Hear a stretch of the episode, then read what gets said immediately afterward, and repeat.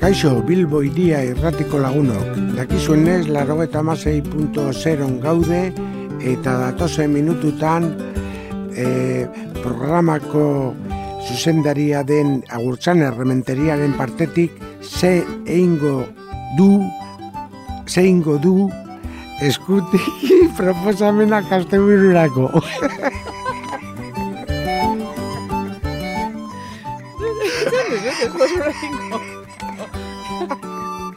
Nire partetik, nire partetik zer.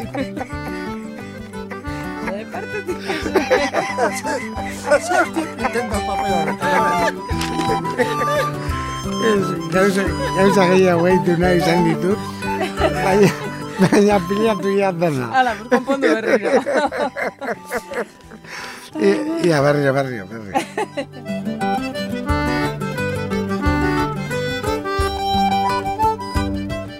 Kaixo ongi etorriak Bilbo iria irratiko entzuleak, e, larogeta puntu dialean gaituzue, astebururo egin nahi dugun, egin ohi dugun zuen saio honetan. Eta asteburuan, zein gau? saioan hain zuzen ere. Horretarako, elkartu gara, beti bezala, Xabi Ugalde, orantxe ailegatu berri, haupa Xabi, Leire eta Neu. Haupa, hemen gaude irukote fantastikoa gaurkoan. Haupa, berandu baina amena. Bueno, ba, gutxi barru hasiko gara, asteburu honetarako prestatu ditugun hainbat eh, eskaintza zueri kontatzeko.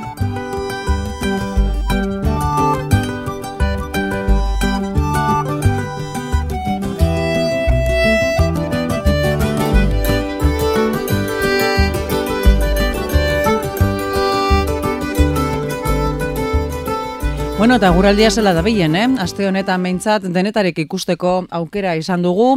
Orain lainoa, orain eguzkia, orain epel, orain bero, eta tarteka zaparra da ugari ere. Izan ere, udaberriak horri ekarri ohi du, baina beti bezala planetan hasi aurretik, ba aurre ikuspenari begiradatxo bat eman beharko diogu eta lan hori eginda dator leire, zer eguraldi egingo du asteburu honetan. Bueno,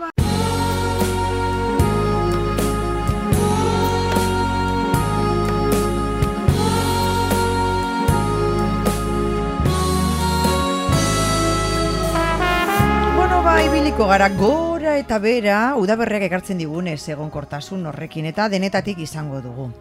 Larun batean, bero, bero egingo du, izan ere giro eguzkitzua eta lasaia izango dugu goizean. Alabaina, arratzaldean handituz joango den ezagonkortasunak eta beroak trumoio deiak garatzea eragingo du. Eta eguna maitzerako, ba, ekaitza lehertuko da eta zaparrata botako ditu non nahi.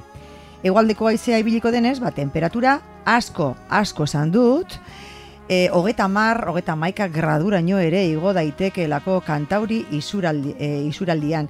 Badakizue, e, hemen egoaizea daukagunean, gure Euskal Herrian egoaizea daukagunean, bero handiagoa egiten duela beti, kostaldean, barnealdean, baino.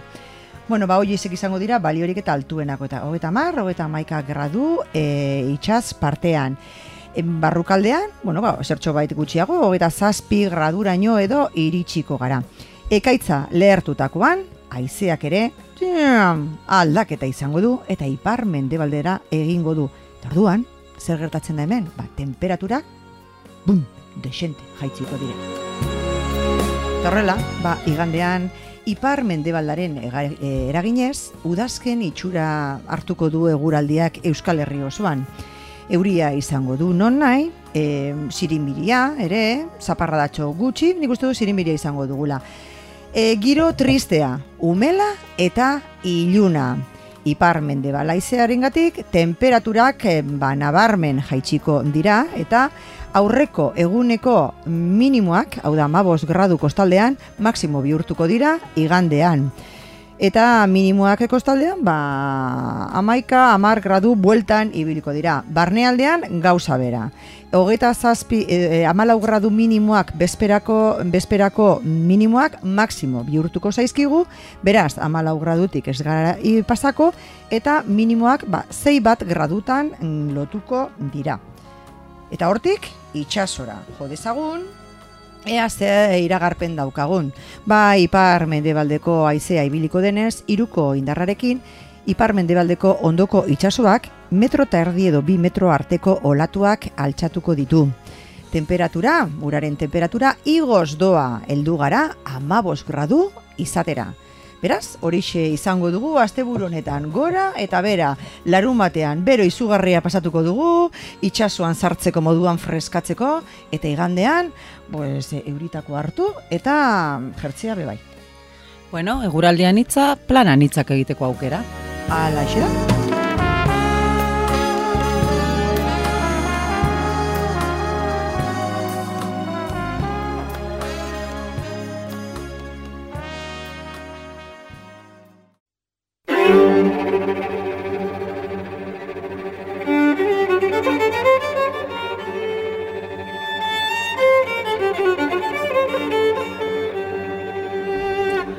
Bueno, ba, eguraldiari erreparatuta tartetxoa bilatu behar, ondo begiratu, noiz egingo duen aterri, noiz emango digun e, atxedena zeruak, eta planak egin behar ditugu astebururako, animatuko gara, asteburu honetan ere nonbaitera joatera, nora proposatzen diguzu leire asteburu honetan, bueno, ba, ze plan? honetan joango gara gipuzko aldera, goierri aldera in zuzen ere, Eta badakigu, ba eguraldian iragarpena entzun da, e, beroa pasatu nahi dugula, mangala burrean joan nahi dugula, e, gozatu nahi dugula eguraldiaz, zapatuan egingo dugu. Baina berdin digula eta beste gauza batzuk inguruan atsegina direlako eta interesgarriak direlako eta bide batez ibilbide txo bat egin gure klima tipiko honekin euria, te, bai, melankolia txua den gure eguraldi honekin, pues igandean, ez dago problemarik. Abrixe da. bueno, Ba, e, oraingoan, esan dut, goierri aldera joango garela, gipuzkoara, eta bertan, e, legazpi hor maiztegi behazainen kokatzen badugu gebre burua, bueno, ba, behazainetik e, hartzen baldin badugu gipuzkoan bizei iru bost errepidea, e, mandubiaraino helduko gara. Mm, mandubian, ba, hor badago benta bat, eta hortxe emango diogu hasiera. Bueno, ba, gaurko ibilbidea, e, amaika kilometroko izango da gutxi gora bera. Horretarako behar izango ditugu, iru ordu eta berrogei minutu, eta desnibelari dagokionez, irureun da irurogeita amasei metrokoa e, gutxi gora bera. Bai, gutxi gora bera hori. E, ibiliko garen bide horietatik, aipatuko dugu ezkio eta itxaso, ezkio eta itxaso herria, itxasorik ez daukan herria, eta interesgunea badu ba, transumantzia bideak bertatik pasatzen direlako. Garai honetan, ba, oso ohikoa da gure hartaldeak eta mendirantz e, joatea, aizkorri irantz, urbasarantz eta igotzea, Eta bueno, pues hori dela eta ba pentsatu dut, ba, ba ardiek egiten duten transumantzia bide bidetik eta bideetatik ibiltzea, zergaitik ez? Eta hortik bueltatxo bat eman dezakegu eta hori izango da gaur egingo duguna. Mandubia, aipatu dut, bertan e, benta bat dago eta gure eskuinera utzita, eskerrera doan porlanasko pistaren e, hasieran PR Gipuzkoa 6 zazpi eta GR irulauari dagozkien bide seinale zuri hori gorriak ikusiko ditugu. Bueno, zue tranquil. Bai, hau daude marka batzu zuriak, horiak eta gorriak.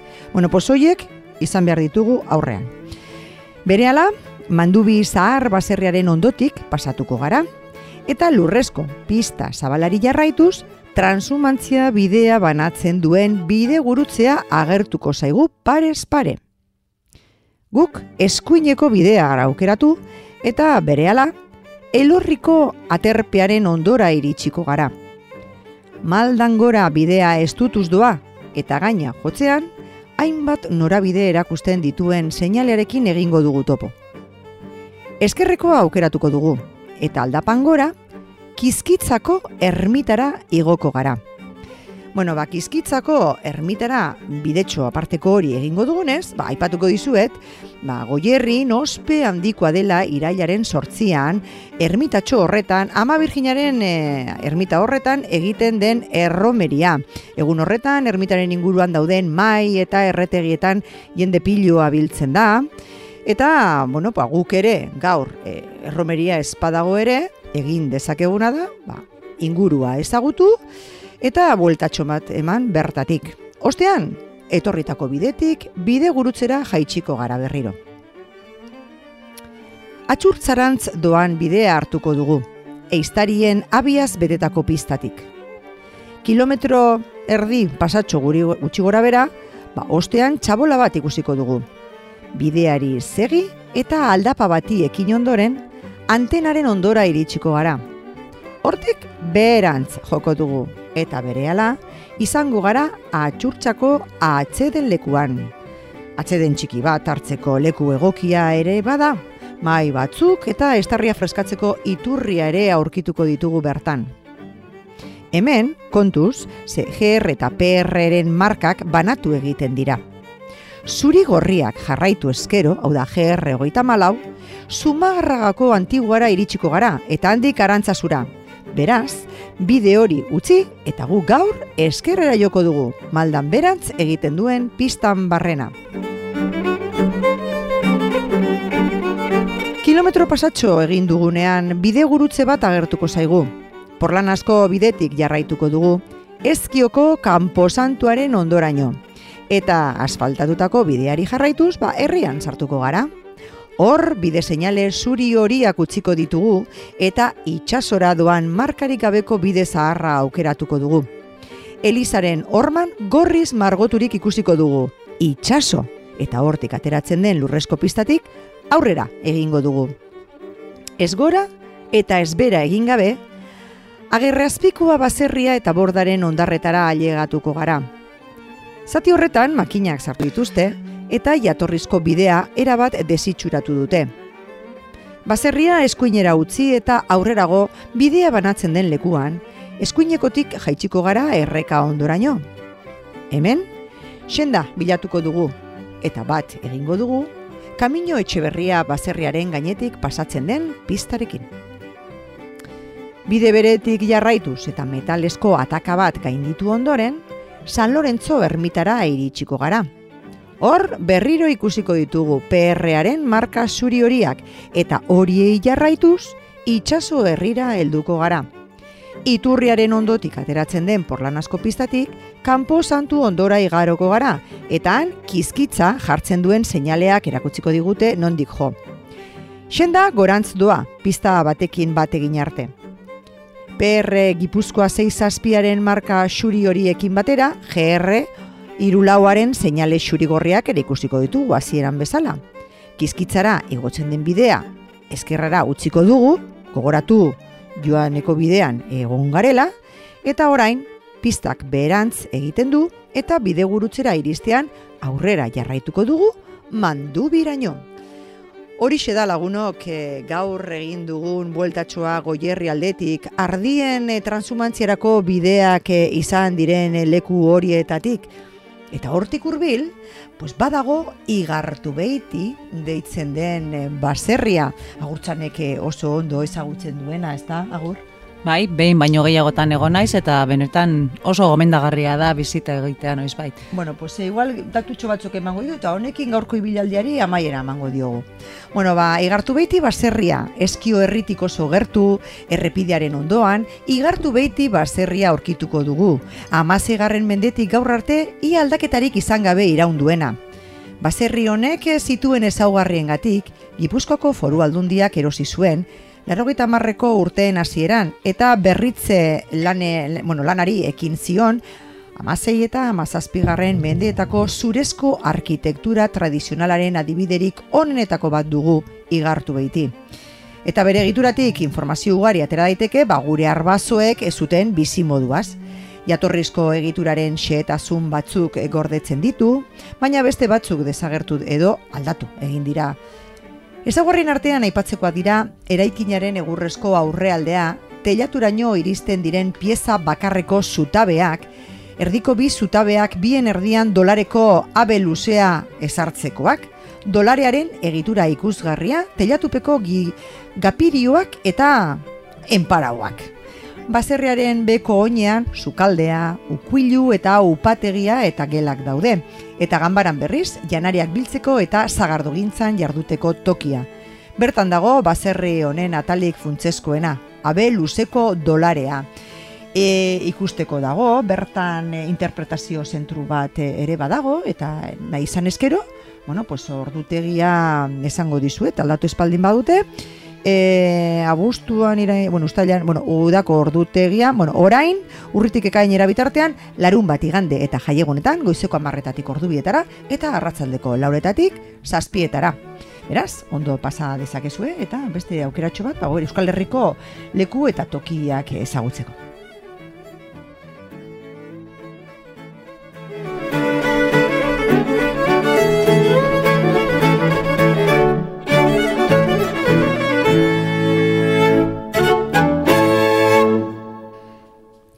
Bueno, ba, honezkero gozea ere egin zaigu eta beti bezala txango proposamenaren ostean sukaldera salto egin behar dugu eta bertan ba, errezeta proposamena euki badaukagu. Horretarako laguntza paregabea da eukitzen dugu eta oraingoan ere hemen daukagu Xabi Ugalde errezetarekin prest. Haupa, Xabi?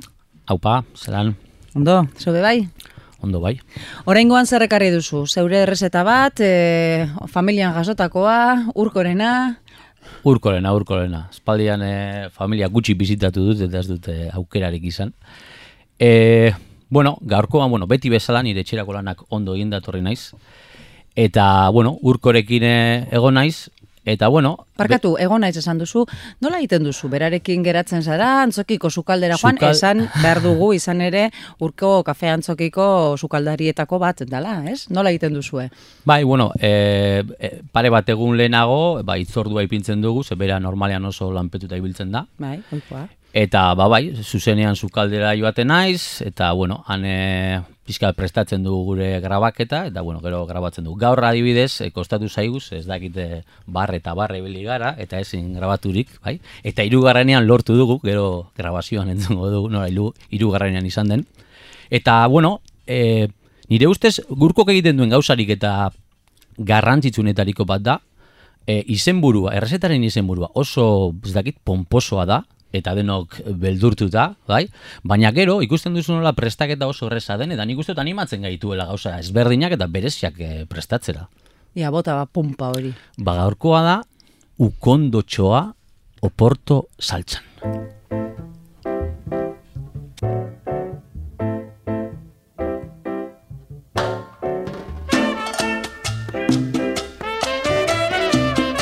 Bueno, hirugarren saiak gera dau eta ber hirugarrenean e, grabatzen dugun.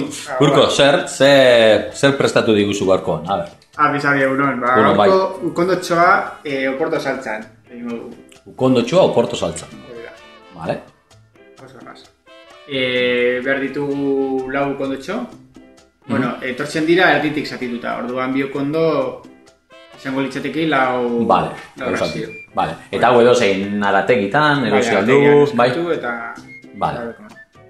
Gero, ukondoa aparte, ukiko, e, behar dugu. E, dalontzi bat, koñaka. Mhm. Bi edalontzi oporto. Koñaka edalontzi bat eta bi edalontzi oporto. Bi oporto. Aha. E, tomate dalontzi bat. A bera. Tomatea... Tomate frijitua. Orlando Bai, izan liteke. vale. Eta gero ura, E, eta hasiko gara. Ba, piztuko dugu laba, Bai. Edalontziak, zer, edalontzi normal bateko Bai, neurria, normala, ez? bai. Vale. Esan dugu, bat oporto, bat oporto, beste bat... bi... bi... Ez bakatu. Bi oporto, bi bat oporto, koñak bat koñaka eta bat tomate. eta tomatea. Ja, hone hau gogorra egon daiteke, ez? Koñaka, oportoa... Bai, Oda, potentau da. Zapore potentea dauka? Hau uste dut gure entzule bati gustatuko zaiola. Ezagutzen dudan entzule bati. Aurrekoan kritikak izan genituen horrelako sopa berezi bat aipatu genuelako, mendira bai. joateko, eta berak esan zuen mendira ardoa eraman behar dugula. Bueno, Ba, gaur badauka. bai, zer, eh, bai, adi gongo da, adi gongo da. Ba, sartu, e, piztuko dugu laba. Eta ukondoak jarriko ditugu e, laba, labako Mhm. bandeja. Bandeja batean, erretillu batean. Botako diogu gatza, eta ukondoari botako diogu e, koñak edalontzia, gainetik lau, lau ukondoi, Mhm, e, edalontzi bat ur, mhm, eta laban sartuko dugu. mhm. Gutxi gora bera, e, berreun gradutara, ordu erdi, bi ordu. Esan duzu koñakarekin, ez? Koñaka eta ura. Eta ura. Oportua momentuz ez dugu erabiliko. Momentuz ez. Vale. e, ikusiko dugu dagoela eginda, sartzen diogunean e, aizto bat eta ondo sartzen denean. Vale. Gutxi gora bera denbora zenbat izan daiteke, noiz hasiko ginateke probatzen, ez dakit. Ordu erdi... Ordu erdi de hasi probatzen, poliki poliki. Vale. Eta ikusten badugu e, ura e, falta zaiola, ba, boteko digo pizko bat ur gehiago. Vale. Daukagu e, ukondo alaban. Eta gero aparte, kafe batean jarriko dugu oportoa, Mhm. jarriko du irekitzen, Mhm. eta erdirarte dagoenean, Bai. boteko digu tomatea. Vale, ordea, erdira arte, hau da, pixka bat galdu duenean, uru hori galdu duenean, edo lurrundu Lurrundu denean. Vale. boteko digu e, tomatea. Itxiko dugu bos hamar minutu batera, irekitzen, eta horri e, gehituko diogu bi edalontzi ur. Vale. Gero Osea, hor, eh, tomatea bota dugun horretan, gero ura botako ura dugu. botako dugu. Eta utziko dugu Eta- berriro berotzen edo. Berotzen eta. Vale. E, dagoenan ukondoa, e, ukondoa solta duen saltza, Bai? boteko diogu oportoari. Ah, vale, vale, vale, vale. Osea, hor, bandejan geratu den saltza hori edo, da. botako diogu oportuari, tomateari, eta hor, yes? Hori, hor daukagun beste... Eta hori. kastoratxo batean jarri ukondoak, bota saltza gainetik, eta zaporea hartzea izten. Bai, utzi igual pixka bat mugitzen edo, Mugitzen, eta... eta, eta gero ba, jarriko aldiogu gure patata pure bat, edo Bai, beste zerbait ipin aldi dugu, ez? bat, e, Baina, bueno, ez da, saia ez da, ez? Alde batetik eh, labean ipini ukondotxoak egiten, batetik, eta eh, beste aldetik egin behar dugu oportuarekin, hori tomate saltza hori, edo... Aha. Ah, bueno, ba... Ea zerbait komentatzen digun eh, gure- gure lagunak. Bai, bai, a ver. Venga, eskerrik asko, eh? Bueno, Agur.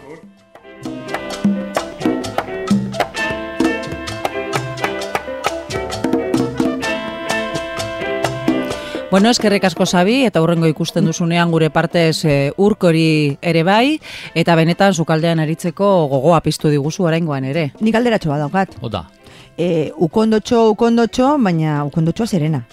Zapuntatzen ibilinaz, eh? Zintzo, zintzo hemen, gero lanak ondo, neuk egiteko. ondo, ondo. Ni suposatzen dut txerriaren, txerriarena dela. Ah, Baina, bueno, vale. gauzarik garrantzitsuena da, berak esan dit, batez ere oporto eta koinak kantitateak ea nolakoak ipintzen dituzuen. Eta bai, zeu- Osea, gero txerriarena edo beste batena nahi duzuna, bai, kontuz oportuarekin eta koinakarekin. Bueno, Neurriz beraz, leire. neurriz, baina gero ez da RBA eta holan, eh? Mm, Ez, ez, izango litzateke, berak esan duen bezala, jeitsi, bai? Jeitsi, Hau da, vale. zutan ipini eta pixka bat lurruntzen denean, orduan... Ez duk esan duzu erreza, baina ez dakit. Erreza, eh? erreza. Mm, Bueno, saiatuko naz eta kontatuko dizuet. Vale, Bale, badatorren astera arte, Xabi. eskerrik asko. Agur. Agur.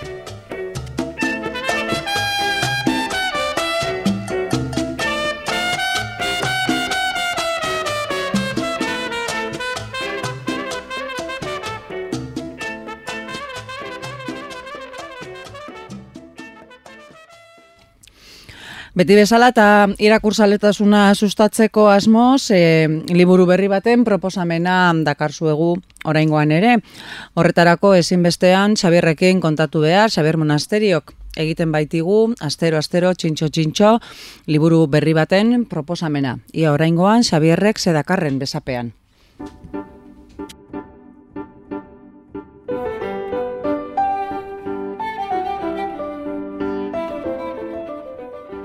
Aurreko asteetan bezala, lagunok ba badaukagu liburu bat e, pres prest e, zuei eskaintzeko asteburua gain gainean daukagula eta ba bueno, ba, irakurketari ere tartetxo bat e, emateko. Edo zein une da egokia egia esan ba, irakurtzeko, baina badirudi asteburuan astitsuago, lasaiago ibiltzen garela eta bueno, horretarako egokiera handiagoa izaten dugula.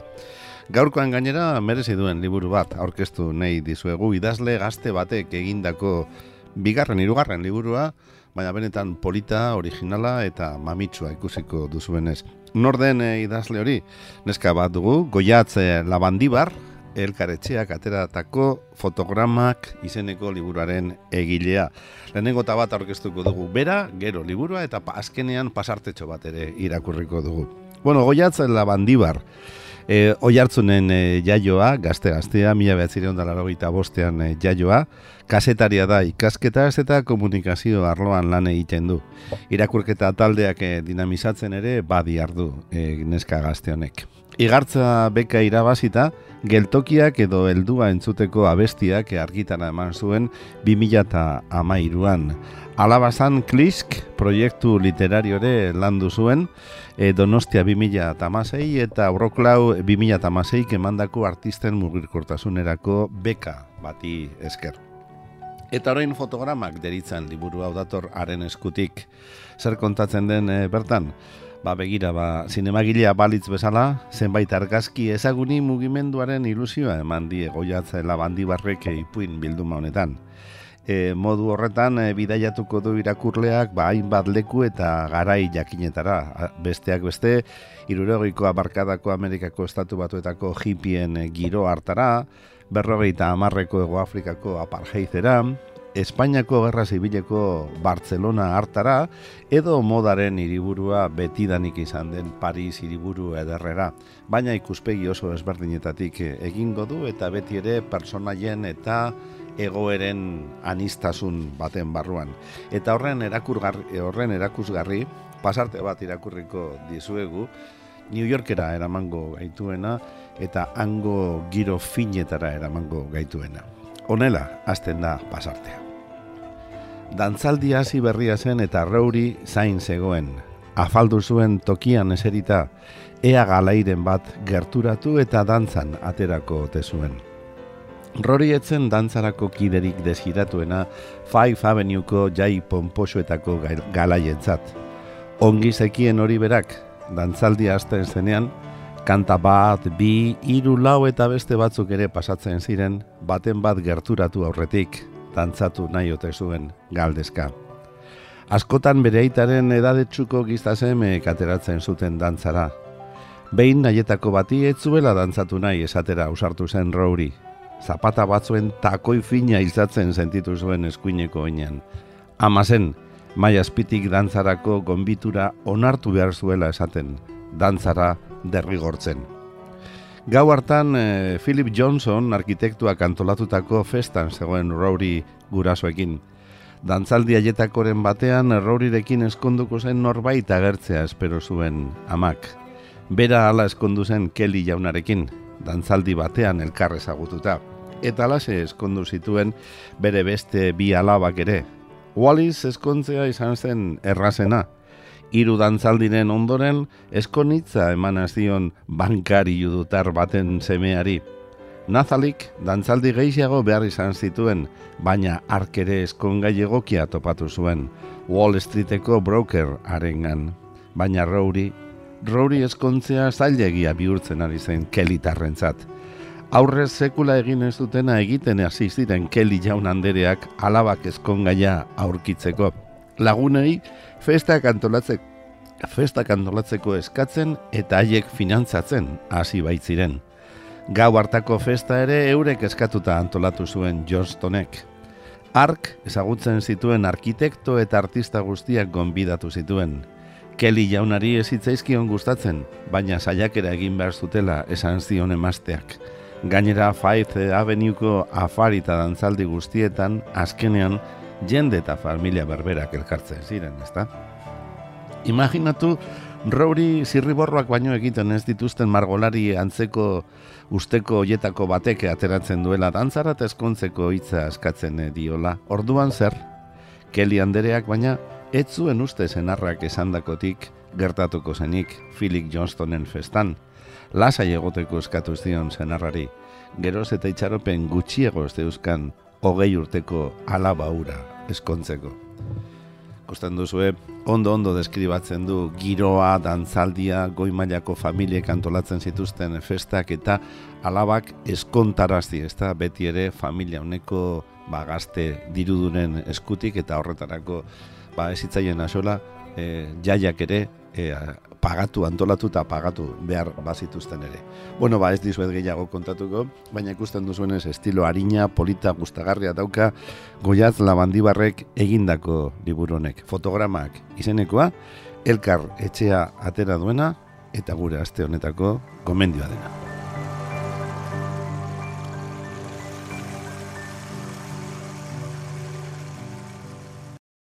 Bilbo iria, Bilbo handiko Euskaldunen irratia. Bueno, eta gu behintzat, umoretsu gabiltza, besteak beste asteburuaren atarian gaudelako eta momentu batean leire kantatzen hasteko tentazio ere daukala, aitortu digu, baina bueno, erabaki dugu hori beste baterako ustea, eta gaurkoan musika eta kantu proposamena, beti bezala, Rafari utziko diogu. Rafak prestatu digu, asteburu honetarako, ba, musika edo disko berri baten proposamena. Ia zerrekarri digun Rafa Ruedak, oraingoan ere. Aupa gurtzane, gaur proposamen kainero batekin nator, e, zumaier talde batek, ekarria, boltaiak, 2008an sortutako taldea dugu Gotham eta Itaka taldeen errautzetatik, irukote moduan ibiltzen dira, una izagirre, basu eta hotxan, eh, John Duran baterian eta John Bracamonte gitarran. Pasamortuko rock basati bezala definitzen dute euren eh, musika estiloa eta ritmo indartzu eta elektrikoak eh, dira nabarmen egiten duten hortan. Bi lan dituzte jada kalean, 2008an voltaia izen bereko lana kaleratu zuten autoekoiztua eta 2008an e, Medusa e, izenekoa mauka musikagintzak e, kaleratu berri du. Eta lan azken lan ontatik eh, ekarri dugu kantu bat gaur uoldea lana zabaltzen duen kantua hain zuzen ere. Ziur nago un kontzertuen agenda begiratuta nun baitetik topatuko dituzuela asteburu honetan gustokoa badituzue, badakizue, nun ba, tarte on bat pasatu. Hau esek dira, boltaia eta uoldea kantua.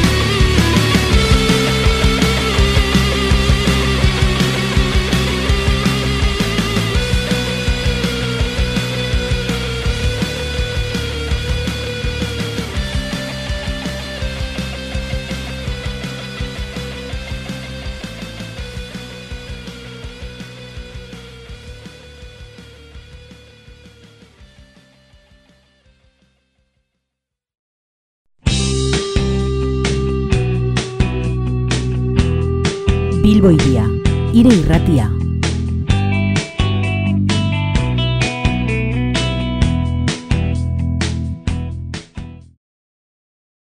Bueno, eta kaineroa izan da benetan, e, Rafak proposatu digun Voltaia taldearen kantua, baina hori bezain kaineroa izango dela uste dugu, asteburu honetarako prestatu dizuegun e, proposamen berezia.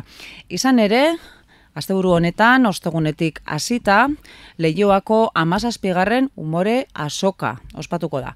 Ostegunean hasi zen, esan pasala, emeretzian eta igander arte, hogeita arte, ospatuko da. Berrogeita mar konpainiak hartuko dute parte eta berrogeita malau ikuskizun erakutzi eta egun hogeita bost emanaldi eskainiko dituzte.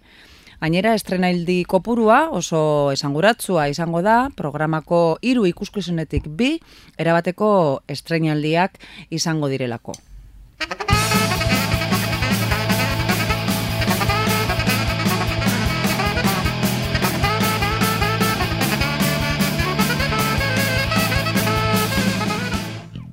Umore asoka, jaialdi eta festa asoka dela esan genezake.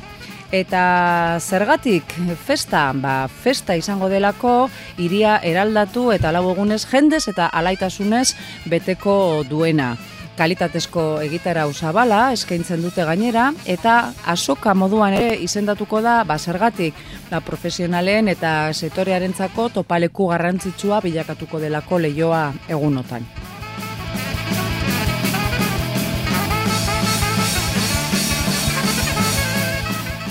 Bai, programaren kalitatea, anistazuna eta disiplinen arteko oreka azpimarratu nahi dugu hemendik. Bertan, dantza, antzerki, zirku eta klaun ikuskizunek osatuko baitute programazioa eta oparotasun horren adibide dira, ba umore azokan egongo diren Euskal Taldeak, hain zuzen ere, e, Euskal Herritik e, emeretzi konpainia izango dugu. E, erkidegotik amazortzi, emeretzi ikuskizun eskainiko dituzte lehioan eta erabateko estrainaldiak izango direnak amaika.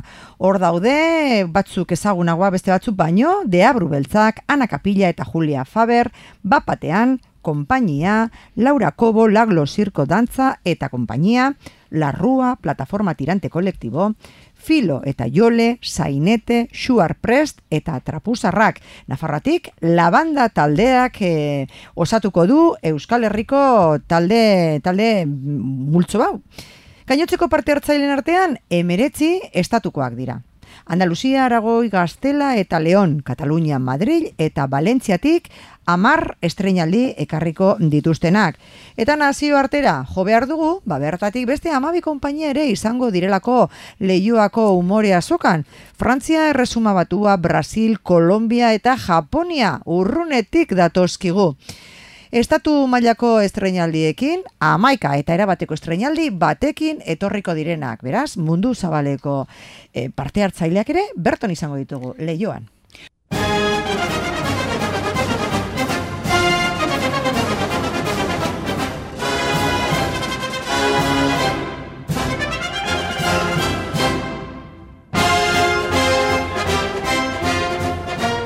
Baina aipatu behar da ez direla ikuskizunak besterik izango bertan aurkituko ditugunak. Taierrei dagokionez adibidez esan behar ba Matias Sanotik e, workshop e, izenpeko tailerra eskainiko du.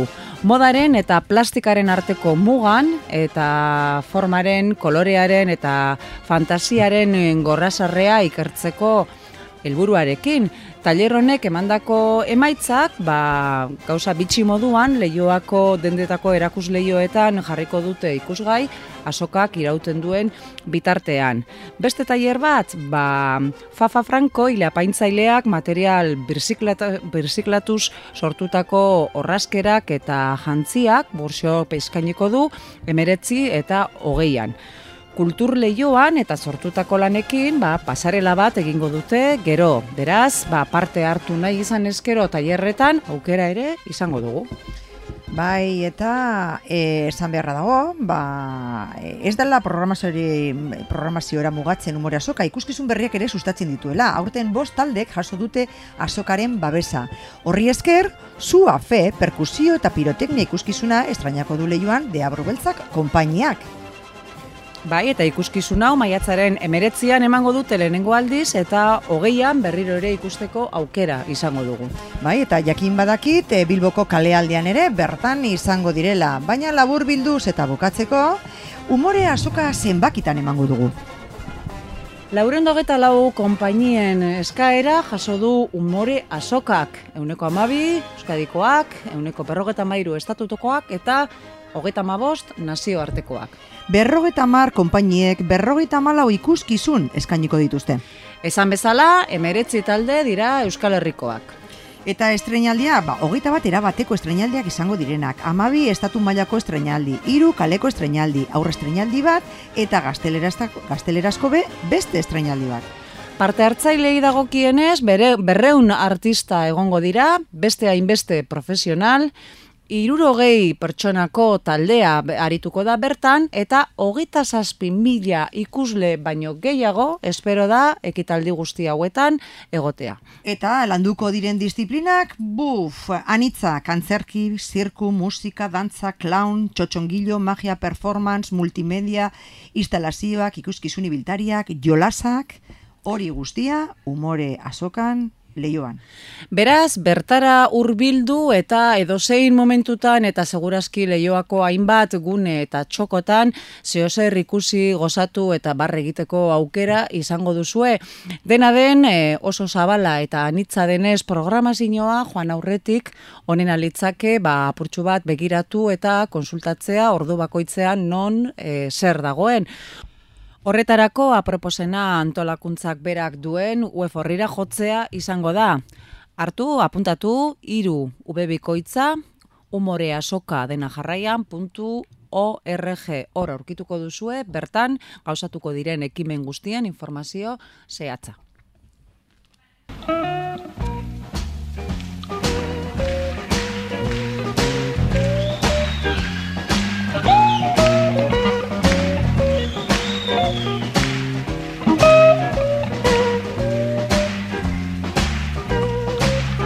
Bueno, eta amaitza aldera eta egindako proposamenak nahiko izan espadira edo oso gustoko izan espadira, ba, ba daukagu beste hainbat proposamen eta horretarako agendari paso eman behar diogu. Zapatuan, hilak hogeita bat, eguerdiko amabit erdietan, San Adrian auzoan musika kalejira izango dugu. Musika auzo izanpean, Bilboko txistularien udal bandaren eskutik. Eta ordu batera eh, pasata, Carmelo Plazan Santutxun bertsolariak izango ditugu udaberriko bertso saioe, saioak ekitaldiaren barruan. Bertan izango da, Andoni Egaña, Freddy Paia, Ibon Ajuria eta Julio Soto. Arratsaldeko bost erdietan berriz, San Adrian eh, auzoko frontoian, magia izango dugu kultura kaleskale e, ekipenaren barruan. Magia parrastan, Imanol, ituinoren eskutik. Arratzaldeko zeiretan, ugarte plazan otxarkoagan, jarraitu ingo dugu amabigarren magiaren eh, topaketekin eh, muerte de magia, nabar kadabra nafarroatik datorren taldea. Eta gaueko amarretan eta kafean txokian, kontzertua izango dugu. Gato López eta berriro ere tributo i, deritzon talde hoietako bat. Eta tributoa izango da... Eskape taldearena.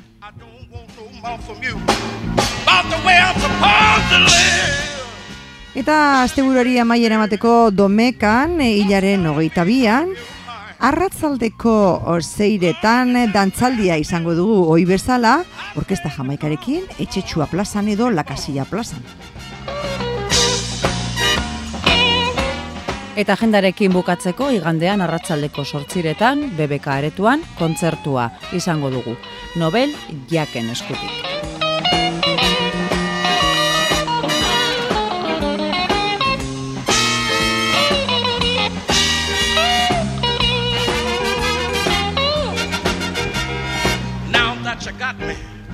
You act like you're ashamed. You don't act like my baby, you're just using my name.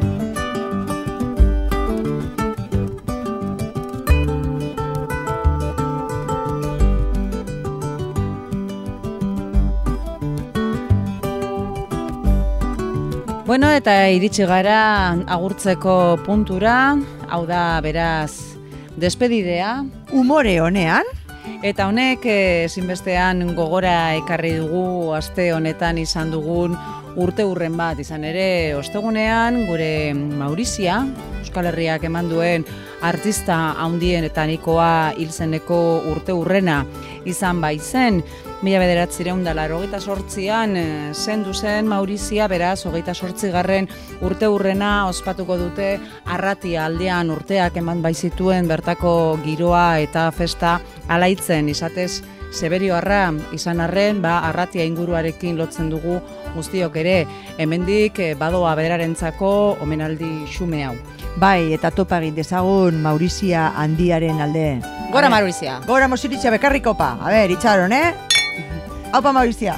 Bueno, ba, zuek ere, ba, festa giroan eta laitasunez asteburua pasadezazuela opa dizuegu, baina datorren astean berriro ere proposamen berriekin eta kontu gehiagorekin hemen izango gaituzue. Bitartean ordura arte, gozatu, ondibili eta gora bihotza. Gora bihotza, gora animua, gora dana eta bilboiria.eusen gora gu eta gutarrak hemen izango gaituzue datorren astean bitartean, agurtzenek esan duen moduan, ondo bisi. Agur!